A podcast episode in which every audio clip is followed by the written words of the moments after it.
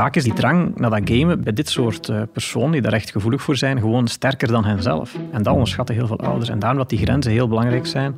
Maak een systeem dat dat vanzelf uitvalt, dat in de modem uitvalt, zodat jij niet altijd de boeman hoeft te spelen om het slechte nieuws te gaan brengen.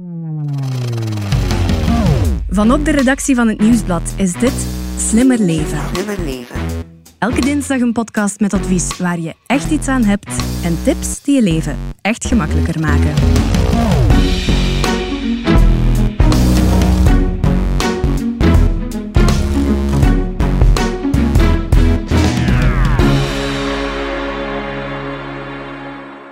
Fortnite, Roblox, FIFA, Call of Duty of Brawl Stars. Voor heel wat ouders zijn het heel herkenbare namen van games. En wacht, ik wil even nog mijn potje afspelen, dan kom ik wel eten. Gamen, het kan jongeren en hun gezin in een greep houden, maar het hoeft niet zo te zijn. Daarom deze podcast. Ik ben Elias Meekens en bij mij zit Stefanie Verhelst, vaste redactrice van de podcast. Hallo. En Matthias de Wilde, auteur van het boek Game Over en ook ervaringsdeskundige als het gaat over gameverslaving. Hallo. Dag Matthias. In deze podcast gaan we het dus hebben over de gevaren van gamen. Wanneer wordt gamen een verslaving? Is het te voorkomen? En eens het zover is, hoe ga je daar dan als ouder mee om? Is dat op te lossen? En hoe dan? Alle antwoorden in deze aflevering van Slimmer Leven. We hebben vandaag een gast in de studio. Dag Matthias, welkom. Je hebt een boek geschreven, hè? Game Over, over de gevaren van uh, gamen. Want je hebt die gevaren zelf aan de lijve ondervonden. Hè? Klopt, ja. Ik was zelf uh, jarenlang gameverslaafd. Zo, dat begon op mijn 17, 18 jaar en dan tot mijn 20, 23 jaar is echt wel uit de hand, uh, meer en meer uit de hand beginnen lopen. Het is toch wel een 6, 7 jaar dat je echt intensief... Wat moet ik mij daar dan bij voorstellen? Ja, in het begin, toen ik nog zo 14, 15, 16 jaar was, dan viel dat nog mee. Ik ging wel vaak met mijn klasgenoten nog andere dingen gaan doen, maar zo heel geleidelijk aan ja, zijn al die andere hobby's. Hè. Voetbal heb ik nog vroeger gedaan, de scouts, um, ja, badminton en zo. En dat, ja, één voor één zijn die allemaal beginnen wegvallen. Omdat ik het gewoon veel leuker vond om, om thuis te gamen. Voor mij vond ik, uh, ik vond het veel comfortabeler. En vooral die periode, zo 16, 17, 18 jaar, had ik het heel lastig met, met sociaal zijn. Um, hè, mijn klasgenoten gingen dan vaak uit. Hè, die gingen op café, soms naar een vijf. Maar voor mij dat gaf heel veel stress. Ik vond dat helemaal niet zo tof. Uh, ik wist ook vaak niet hoe, hoe wat te zeggen in groep. En om begon ik dan zo ja, meer en meer mij wat af te zonderen thuis op, op mijn kamer, waar ik dan zo'n computer had staan met allerlei soorten spelletjes, van SimCity, Rollercoaster Tycoon naar Counter-Strike en zo, tot, ja, tot bijna quasi al mijn vrije tijd uh, in die spelletjes zat. Mhm. En dan is het echt serieus uit de hand beginnen lopen als ik dan naar de hogeschool ben gegaan. Dat was uh, in Mechelen dat ik dan ging studeren, zoiets met, met IT-management, zo kon Mhm. programmeren en zo. En daar, ja, zeker na dat, na dat laatste jaar toe, ging ik bijna niet meer naar de les. En ja, zoveel als ik kon, eh, ging ik dan, zat ik dan thuis te gamen in feite. Ja. Heb je je diploma gehaald? Ik heb het uiteindelijk wel gehaald. Ehm, maar ja, goed, ik was dan 22, 23 jaar. En ja, ik, zat, ik had heel veel sociale angst hè, om buiten te komen, onder de mensen te komen. Ik schaamde mij ook heel veel hè, voor het feit dat ik zo, ja, echt dag en nacht gamen. We moeten, we moeten dan zo, hè, met mijn klasgenoten van vroeger gaan afspreken. We moeten dan zeggen van, ja, ik heb geen hobby's, ik heb geen werk, ik heb geen lief, ik heb niks. Ik heb zitten dag en nacht te gamen. Ja. Dat is dan, eh, dus dat was, ja, ik schaamde me daar enorm voor. Dus de duur begin, ja, zat ik me heel erg nog meer af te sluiten van de buitenwereld. En ik heb toen ongeveer ja, negen maanden lang thuis gezeten. eh, dag en nacht zo'n speltje zitten spelen. World of Warcraft was dat. Een soort van online eh, rollenspel.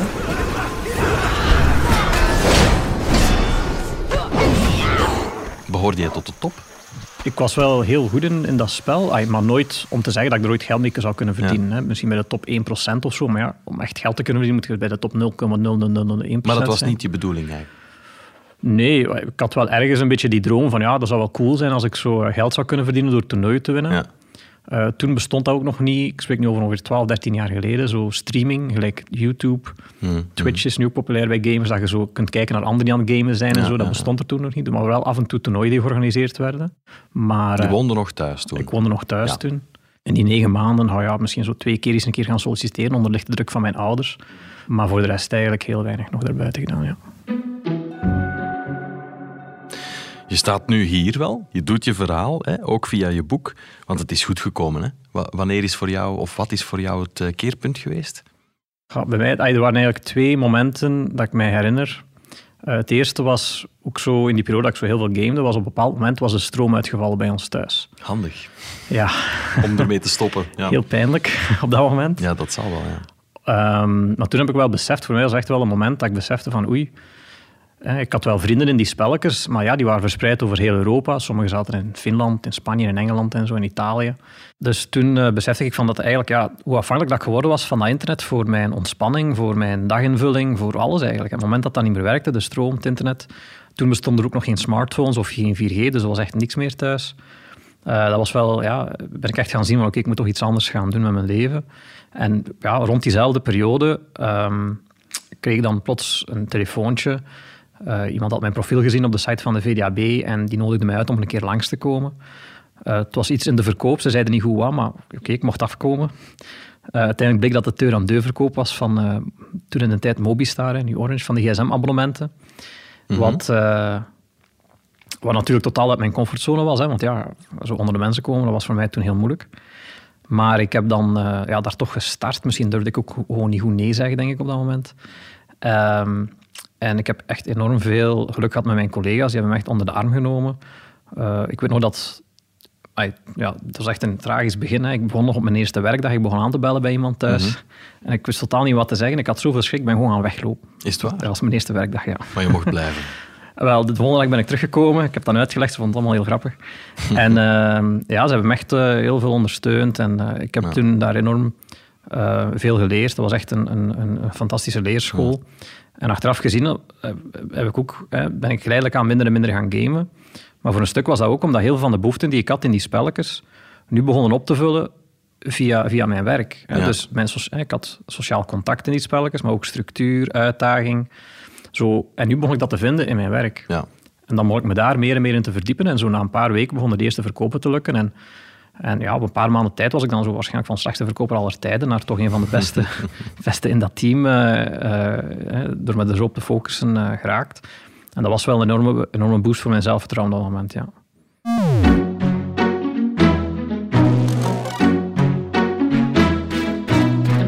Ja, als ik voor mezelf spreek, ik heb drie zonen in huis, waarvan er één 12 is op dit moment.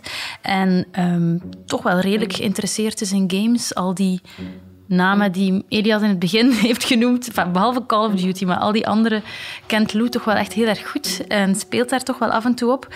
Um, en dan, dan, dan bedenk je dat soms als ouder, is die nu verslaafd? Um, en dan, wordt, dan bekruipt je wel zo'n vies gevoel, hè, want het is wel een angst van veel ouders, denk ik. Hè.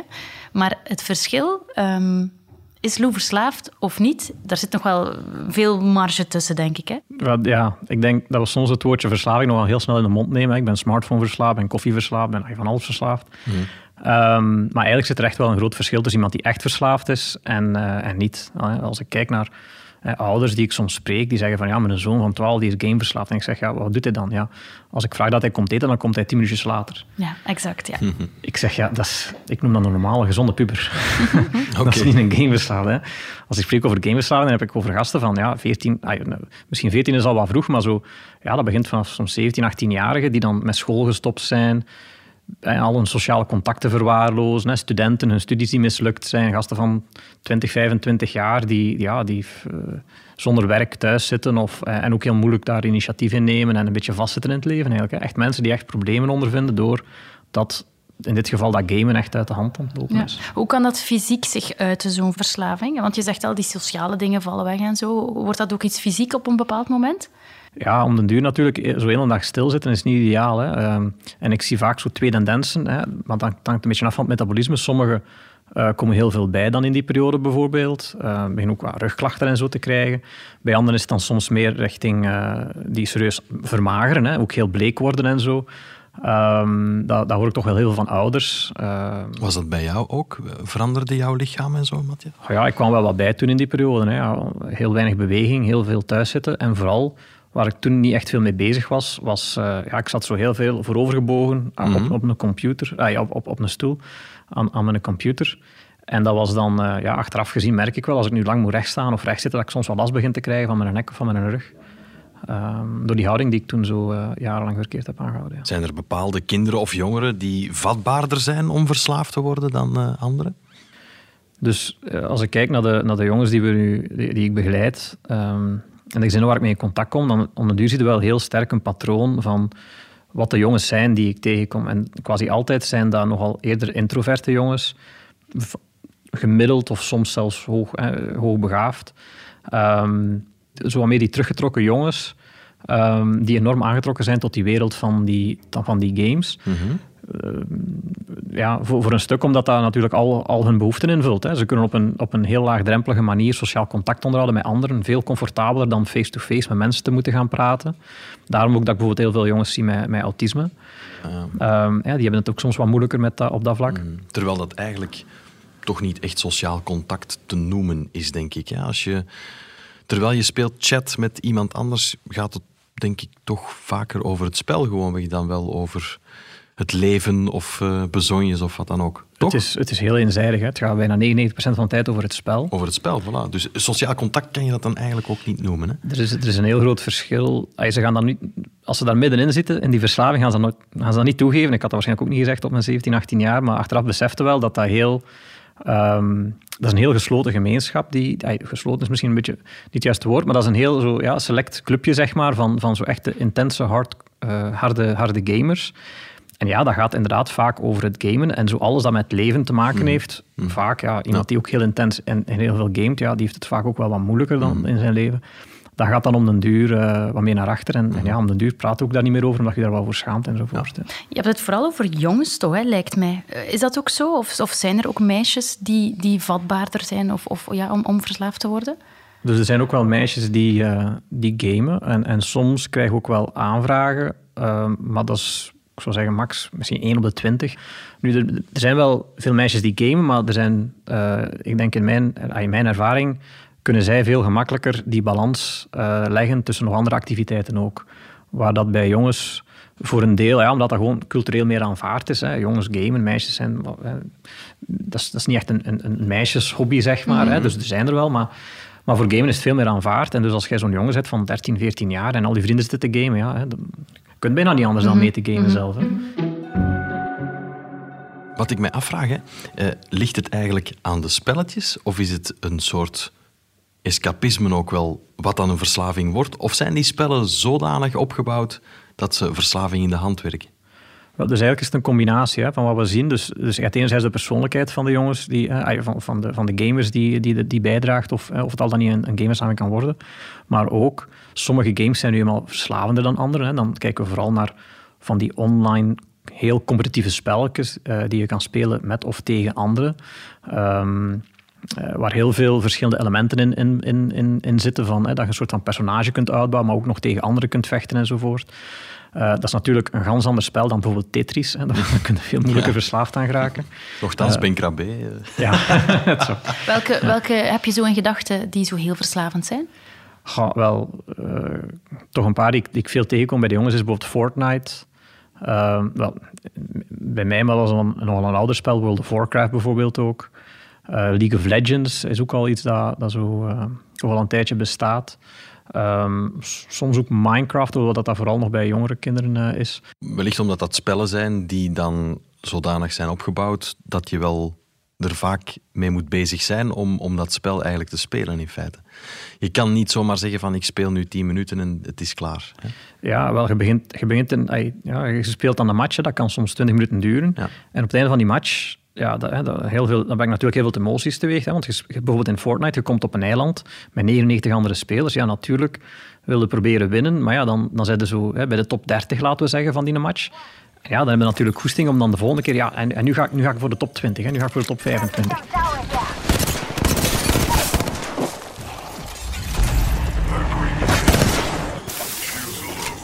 En, en, en zo continu spelen. En een van de dingen dat ik ook heb tegenover spelletjes van vroeger bijvoorbeeld, hè, als ik dan, eh, voordat, voordat die echt online allemaal begonnen te gaan, die spelletjes, ja, je speelde gewoon tegen de computer, dus na een tijd hadden we wel alles ongeveer uitgespeeld, elke uitdaging overwonnen, dus ja, na een tijdje had het gewoon uit en was er niet, niet veel meer te doen. Maar nu door de komst van het internet en tegen anderen te kunnen spelen, ja, er is altijd wel iemand in de wereld die even goed is als u of beter dan u. En, en die spelletjes zijn heel goed om u altijd... Te, die weten altijd hoe dat ze u kunnen matchen tegen anderen van uw niveau. Dus er is altijd uitdaging, altijd iemand die beter is dan tegen u om te spelen. En die spellen groeien toch ook? Hè? Die blijven maar nieuwe levels en weet ik veel. Ik noem het wellicht nu fout met level te noemen, maar, maar hè, nieuwe challenges of een nieuwe wereld die opengaat. Of, hè, ze, ze blijven ook groeien, die spelletjes toch? Hè? Ja, ze blijven constant nieuwe dingen uitvinden om, om, het, om het leuk te maken. Hè. Bijvoorbeeld om nu Fortnite te nemen. Hè. Die werken dan met seizoenen. Hè. Dat is dan zo om de, om de zoveel maanden dat er dan een nieuw seizoen uitkomt. Hè, dan, en dan, ja, natuurlijk, die kinderen worden dan helemaal wild. En die zeggen van, ja, ja ik, moet, ik moet de nieuwste skin hebben. Hè, of de nieuwste, nieuwste danspasje. Of zo'n zo'n leuk outfit dat ze dan weer kunnen stoeven tegenover hun vrienden. Um, hè, begin dan te zagen bij de ouders enzovoort. Om dat te kunnen aanschaffen. En, en voor hun is natuurlijk uh, alles hè, om dat te kunnen, te kunnen mm -hmm. hebben. Uh, maar ja, die spelletjes zijn, ja, die, die, moeten ook, die, die, kunnen ook niet anders. Hè. Ik bedoel, als, als jij niet, niet, niet nieuwe dingen blijft blijft ontwikkelen, dan stappen die gamers eh, gewoon over naar een ander spel bijvoorbeeld. Dus daar zit een gigantische ja. concurrentiestrijd ook. Ja.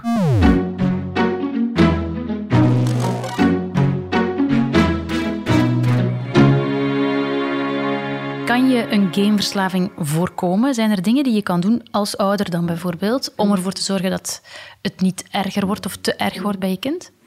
Ja, absoluut. Dus wat ik juist zei, van, dat er dus gamers zijn maar, uh, die daar gevoelig voor zijn, maar ook bepaalde games die, die wat meer uh, ja, uh, dat, dat, aanwakkeren, zeg maar, dat verslavende aspect. bij die gamers, uit ook de omgeving. En er is wel heel veel de ouders kunnen doen, vandaar ook die een boek Game Over die ik geschreven heb. Um, omdat ik heel veel met, met ouders daaraan werk. Een van de eerste dingen dat ik, dat, ik, dat ik rond werk, dat ik toch vaak zie dat bij ouders soms wat moeilijk is, is dat ze dat gamen nogal snel gaan veroordelen. En dan hoor ik bijvoorbeeld uitspraken gelijk, ja, je bent nu weer aan het gamen, zouden nu beter je huiswerk maken. Uh, dat zijn geen echte vrienden die je daar hebt in die spelletjes. En het gevolg is vaak dat, hè, dat is wel met goede bedoelingen dat ouders dat zeggen, maar het gevolg is vaak dat iemand die echt gamet en het al dan niet misschien wat moeilijk heeft in het leven, hè, met, misschien met gepest worden of zich niet goed in zijn vel voelen of wat dan ook.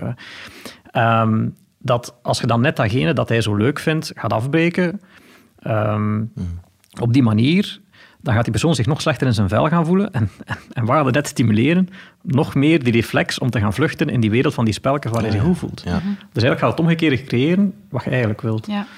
En dus dat is, hè, dat is al vaak een van de eerste dingen waar ik dan met ouders aan werk. Van oké, we gaan daar proberen interesse in te tonen, proberen mee te spelen. Hè. Zeker proberen als, hè, daar jong al mee te beginnen, als ze nog zo 10, 11, 12 zijn. Want als ze, als ze ouder zijn, is het natuurlijk al wat, wat moeilijker.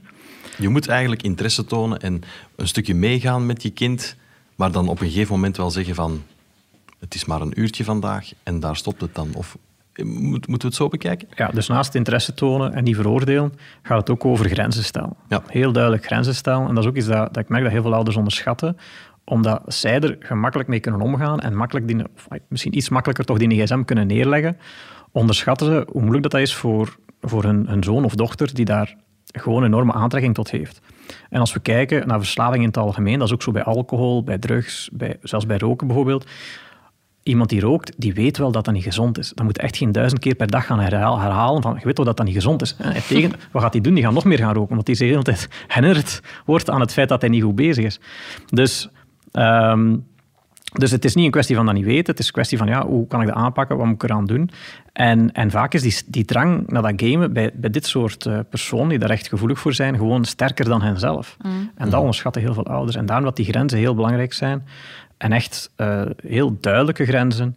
En idealiter zelfs, wat ik ook aanraad bij veel gezinnen, is van maak een systeem dat dat vanzelf uitvalt, dat in een modem uitvalt of allee, hoe dan ook. Hè. Het principe is van, het helpt enorm om een systeem te hebben zodat jij niet altijd de boeman hoeft te spelen om het slechte nieuws te gaan brengen. Als jij altijd moet zeggen van ja, hè, nu moet je komen eten of nu moet je gaan slapen en nu moet je huiswerk gaan maken.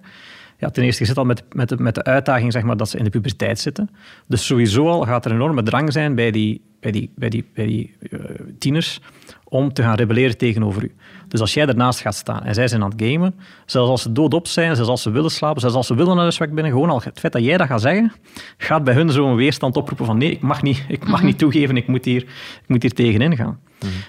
Um, en door een systeem te hebben, bijvoorbeeld dan dat, dat, dat internet vanaf een bepaald uur uitvalt of de modem uitvalt, um, hoef je niet meer te gaan zeggen van je moet er stoppen. Nu kunnen, dan kan je eerder zeggen van kijk, hè, um, wij gaan gaan slapen, hè, uh, je kan het uitzetten. Ay, We hebben het zo afgesproken. Ja. Dus, um... Of bijvoorbeeld, hè, van straks is etenstijd, oh, ik zeg maar iets om zes uur, en om zes uur valt ook het internet uit voor iedereen thuis. Mm Ehm, en als ze dan nog aan het gamen zijn, ja, dat is pech. Hè. En dan, dan is het ons beter om zelfs afspraken te maken over wanneer ze hun laatste spelletje beginnen, in plaats van wanneer dat ze moeten stoppen, want mhm. dat, dat, helpt dan vaak beter.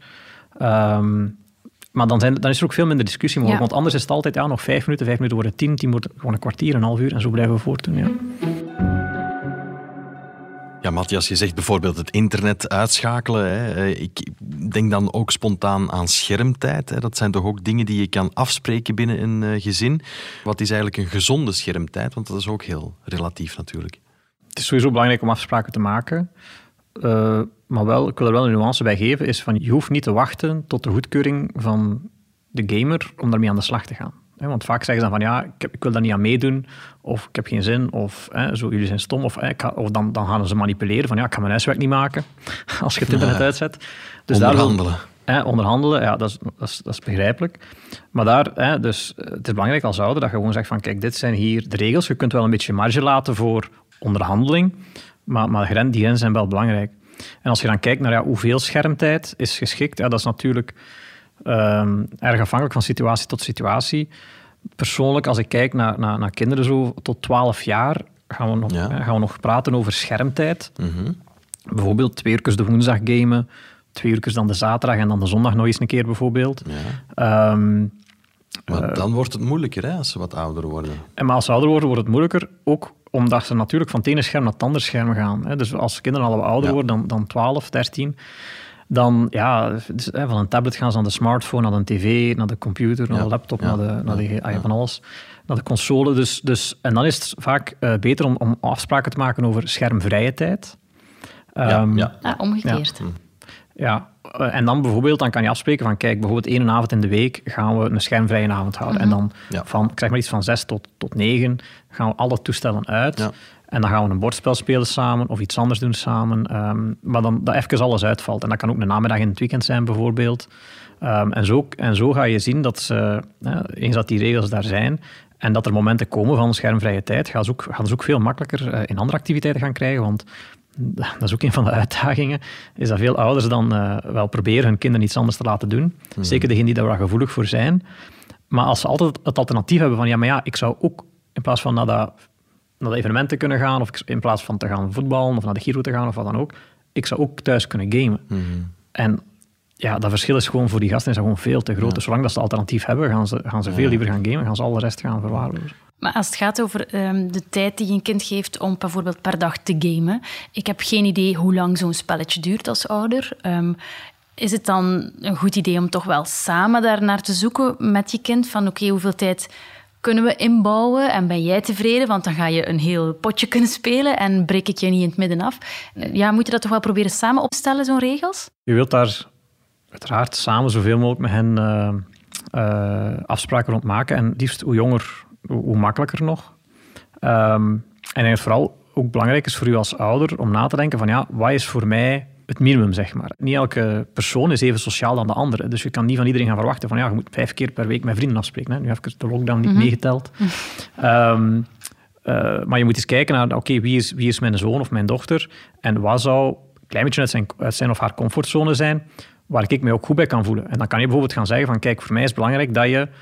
Um, twee keer in de week met een vriend afspreekt. Of hè, dat je drie keer in de week meehelpt met de afwasmachine uitladen. Of dat je, um, dat je drie uur per week uh, met je huiswerk bezig bent beneden in de living bijvoorbeeld. Hè, niet op de, ah, dus dat je heel goed voor jezelf uitmaakt van wat is voor jou eigenlijk de, de minimum die voor u belangrijk zijn. Dan ga je daarmee naar je kind en je zegt van oké, okay, wat wilt hij? En dan de kans bestaat dat hij zegt ja, ik wil gewoon dag en nacht gamen en mij gerust gelaten worden. Oké. dus, En dan moet je daar ergens een soort van, van, van tussengrens in zoeken, hè, van waar iedereen mee kan leven. Ja. Maar stel dat die jongere gewoon echt niet meewerkt en echt niet wil geholpen worden. Um, ik denk dat veel ouders zich dan heel machteloos voelen. Hoe pak je dat dan aan? Als je, als je daar echt de hele tijd op een, op een muur stoot van een kind of een jongere die heel, heel zelfzeker alleen maar wil blijven gamen. Uiteindelijk is er altijd wel iets dat je kan doen. En hoe jonger dat ze zijn, hoe makkelijker. Maar ook als ze nog thuis wonen, kan je ook nog zeker heel veel doen. En een van de, wat ik, vaak zie, waar dat situaties uit de hand lopen, dat is quasi altijd, is altijd de vraag van hoe houden we dit gedrag in stand? Wie betaalt nog altijd dat internet? Wie betaalt nog altijd dat kot dat ze op zitten? Hè? Vaak wordt allemaal nog betaald en geregeld voor hun. En dan blijven zij gamen en ze willen niet luisteren, ze willen niet meewerken, ze willen niet afspreken of zo. Ik kom van alles, allerlei soorten situaties tegen hierin. En, maar het is altijd een kwestie van dat iemand dat in stand blijft houden. Mhm. Iemand betaalt nog alles, iemand zorgt nog voor het eten en, en, en kookt voor hen. En, en, en mhm. ondanks dat ze daar heel weinig uh, voor teruggeven. En op een bepaald moment moeten gewoon zeggen van sorry, maar, maar dit gaan we niet meer in stand blijven houden. Mhm. En op een bepaald moment gaan ze moeten uh, werk zoeken of iets anders gaan doen. En dan, in, in het beste geval, uh, gaan ze dan toch ook wel inzien van oké, ik moet toch echt wel wat meer die balans in mijn leven gaan creëren. En als het dan begint te lukken, dan zien we wel dat hoe beter dat die gasten zich terug in hun vel voelen, omdat ze dan inderdaad hè, beginnen, of, of dat nu werk zoeken is, of mhm. beginnen met school terug wat meer bezig te zijn, of een keer maar met, met, vrienden beginnen af te spreken. Ja, dat die zich beter in zijn vel beginnen voelen, dat die dan ook van daaruit uh, die drang naar dat game terug afneemt. In feite. Ja, hoe zat dat eigenlijk bij jou, Matthias? Waren jouw ouders streng? Of hebben ze ooit discussies gehad met jou? Want jij woonde nog thuis, hè? Ja, ik denk dat ik wel heel veel discussies had met mijn ouders in die periode. Soms dat, dat lijkt zo lang geleden dat dat moeilijk is om nog voor te stellen. Maar um, ja, ik, kan me dat, ik, ja, ik heb zeker heel veel discussies gehad met mijn ouders. Ik wist ook heel goed hoe dat ik mijn ouders moest beïnvloeden. Mhm. Om toch zoveel mogelijk mijn goesting te krijgen, om zoveel mogelijk te kunnen gamen. Ja. Maar achteraf gezien, hè, ik heb er dan veel jaren over kunnen nadenken. Uh, hoe had ik het anders kunnen aanpakken, maar ook hoe hadden mijn ouders het anders kunnen aanpakken. Ja. Het zou gemakkelijker geweest zijn mochten zij toen hebben gezegd van Matthias, nu is het tijd dat je een job zoekt of dat je stappen zet. Ja, dat ze die grenzen hadden gezet. En natuurlijk had ik dan veel in weerstand gegaan. En natuurlijk, het moment dat ze dan bijvoorbeeld dat internet hadden uitgezet, um, had ik wel een keer zwaar geprotesteerd en misschien kwaad geworden en misschien een keer mhm. met de deuren gaan slaan. Maar op een bepaald moment, als die, als die, die, die toegang zeg maar, tot die verslavende middelen ja, af, afgenomen wordt, mhm. dan, dan kun je bijna niet anders dan op een mhm. bepaald moment gaan zeggen: Oké, ik ga toch op een andere manier een soort van invulling zoeken van die tijd. En, en dan, dan gaat het automatisch naar meer gezondere manieren gaan. Ja, Matthias, ik kan me voorstellen dat. Uh jongeren soms wel heel rad van tong zijn uh, wat betreft uh, tegen hun ouders ingaan als ze erop willen ingrijpen. Nu, wat met uh, ja, meisjes of jongens of, of, of, of gamers die eigenlijk dat stapje hoger willen, die professioneel op een niveau willen geraken. Wat doe je daarmee? Hoe begeleid je die op de juiste manier? Wel, er zijn natuurlijk gamers die echt op professioneel niveau toernooien winnen en, en bekend zijn op zo van die sites waar je, streaming websites, ehm, waar dat je dan naar anderen kan kijken die aan het gamen zijn enzovoort en daar ook geld mee verdienen. Uh, maar dat is natuurlijk een heel grote uitzondering. En je kan het een beetje vergelijken met voetbal. Zijn er voetballers die geld verdienen professioneel met voetbal? Natuurlijk. Maar er zijn er ook heel veel bij die dat doen als hobby en die daar nooit geld mee verdienen.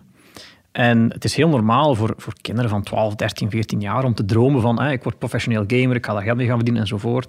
Dat is, eh, dat is oké, daar is niks mis mee. De meesten, naarmate dat ze ouder worden, gaan daar vanzelf wat realistischer in worden en, en gaan dat wat, wat, gaan temperen.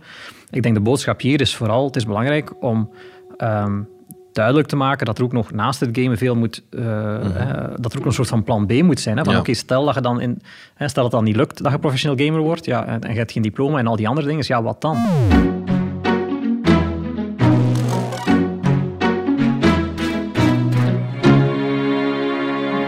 Terug naar het begin. Je staat hier nu, je doet je verhaal. Dus ouders mogen ook wel hoopvol zijn dat het, dat het in hun situatie kan opgelost geraken? Het, het kan absoluut. Ik had uh, van de week nog, nog een ouder die zich enorm zorgen maakte om, om, over zijn zoon van 20 die zo heel dag en nacht eigenlijk Fortnite speelde en zo hè, probeerde met kampioenschappen mee te doen en geld te verdienen en te winnen enzovoort. En die zei van ja, ik denk echt dat mijn zoon gek is geworden. Omdat hij ja, zo constant uh, daarmee bezig is en enkel daarmee bezig is en al de rest een beetje uit het oog verloren heeft. En ik zeg nee, ik bedoel, die, de schone jongen die heeft hulp nodig. Die, die heeft het moeilijk en... Uh, daar is zeker nog heel veel dat, dat we eraan kunnen doen. Ja. Ja. ja. ouders hebben dus duidelijk een, een, toch wel een belangrijke rol daarin. Hoe zit het met professionele hulp? Is dat ook vaak een must of eigenlijk niet? Wel, het helpt natuurlijk om, om een soort van klankbord te hebben, om met iemand daarover te kunnen praten. Uh, en dan merk ik ook wat, wat, heel veel ouders aan ons enorm hebben. Is, uh, ik en mijn collega Bavo hebben samen Game Changers. Um, opgericht en, en uh, daar geven we heel veel coaching in. En wat we merken is dat, dat, dat, dat het feit dat wij zelf ervaringsdeskundigen zijn, dat we zelf ooit heel veel met die gameverslaving geworsteld hebben, um, dat wij, de ouders heel veel hebben aan, aan ons perspectief, omdat wij die, die gasten heel goed begrijpen. En dus vaak zie ik dat van mijlenvel aankomen als ouders zeggen van oké, Matthias, ik ga het zo en zo aanpakken. Ik zeg, wacht. um, hier, hier zou ik een beetje op letten. Hè. Niet alleen zo de algemene dingen, maar ook zo van hoe kan ik dingen verwoorden? Hè? Op mhm. welke woorden ga ik gebruiken? Welke taal? Welke manier ga ik dingen aanpakken? En we zien dat door daar een, hier een, hè, zo wat aanpassingen in te doen en echt iemand te hebben die hen daar stap in stap in begeleidt, mhm. Dat dat enorm verschil maakt in, in ja, dat dat soms echt op, op weken, soms maanden tijd enorm kan veranderen, zowel bij die ouders als bij die gamers. Ja. Dr. Google. Stefanie, een Dr. Google, die kan misschien wel van pas komen in dit geval, toch? Ja, en ik denk dat ik het Matthias zelf wel kan laten vertellen wat er online allemaal van hem te vinden is. Je hebt het net al een beetje vermeld, Game Changers. Vertel eens, dat is ook een website, hè? Ja, dus Game Changers is de organisatie die ik opgericht heb ehm, samen met een collega die ook zo wat ervaring had in, uh, in gameverslaving uh, en ook psychologisch. Um, en daarin werken we heel veel met gezinnen die worstelen met uh, ja, eh, gamers. Hè, dat begint al van 12 jaar tot 28 jaar. En op onze website hè, bieden we mogelijkheden aan tot, tot coaching. Maar ook bijvoorbeeld, we hebben een game test die, uh, die, we daar, die je daar gratis kunt invullen. Waarin dat je dan, dat zijn eigenlijk negen vragen, waar dat je voor jezelf kunt gaan checken van uh, hoe, hoe, erg is het, is het gamegedrag eigenlijk bij mhm. mijn zoon? Hoeveel, hè, hoeveel risico zeg er is maar hè, dat er op dit moment een soort van gameverslaving is of dat het een gameverslaving kan worden? Mhm. Dus dat is wel een heel interessante checklist voor jezelf uh, om, om die test een keer in te vullen. Uh, en in de toekomst, hè, we, we, we, geven ook workshops, we hebben dat in het verleden al vaak gedaan. Ook lezingen op scholen, dat is misschien iets minder um, relevant nu allemaal, die workshops en die lezingen, maar we kijken wel uit naar komend jaar om daar terug veel meer mee aan de slag te gaan en, uh, en daar ook rond te gaan werken. Ja, oké. En je boek natuurlijk ook, hebben we ook Um, dat kan je wellicht ook online vinden en, kopen. En het boek Game Over kan je ook uh, tegenwoordig overal vinden. Bol.com, standaard boekhandel, uh, FNAC zelf. Fantastisch. Stefanie, Matthias, hartelijk bedankt. Graag gedaan. Graag gedaan. Dit was de podcast Slimmer Leven van het Nieuwsblad. Slimmer Leven. De presentatie was in handen van mezelf, Elias Smekens. De redactrice was Stefanie Verhelst en onze gast vandaag was Matthias de Wilde. De audioproductie gebeurde door Pieter Schrevens van House of Media. De eindredactie werd in goede banen geleid door Bert Heijvaart en Eva Michom. Wil je reageren? Dat kan op slimmerleven.nieuwsblad.be. En als je deze podcast leuk vond, schrijf dan gerust een review op je favoriete podcastkanaal en zo toon je ook anderen de weg.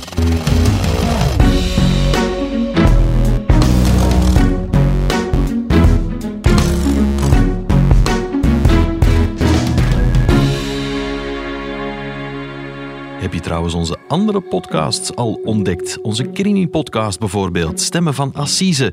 Of Het Punt van Van Impe, onze politieke podcast. Maar we hebben ook podcasts omtrent sport, zoals Shotcast en De Koers is van ons. En, naar aanleiding van ons nieuwe magazine Billy, is er nu ook Walkie Talkies met Evi Hansen. Ga ze beluisteren en tot gauw.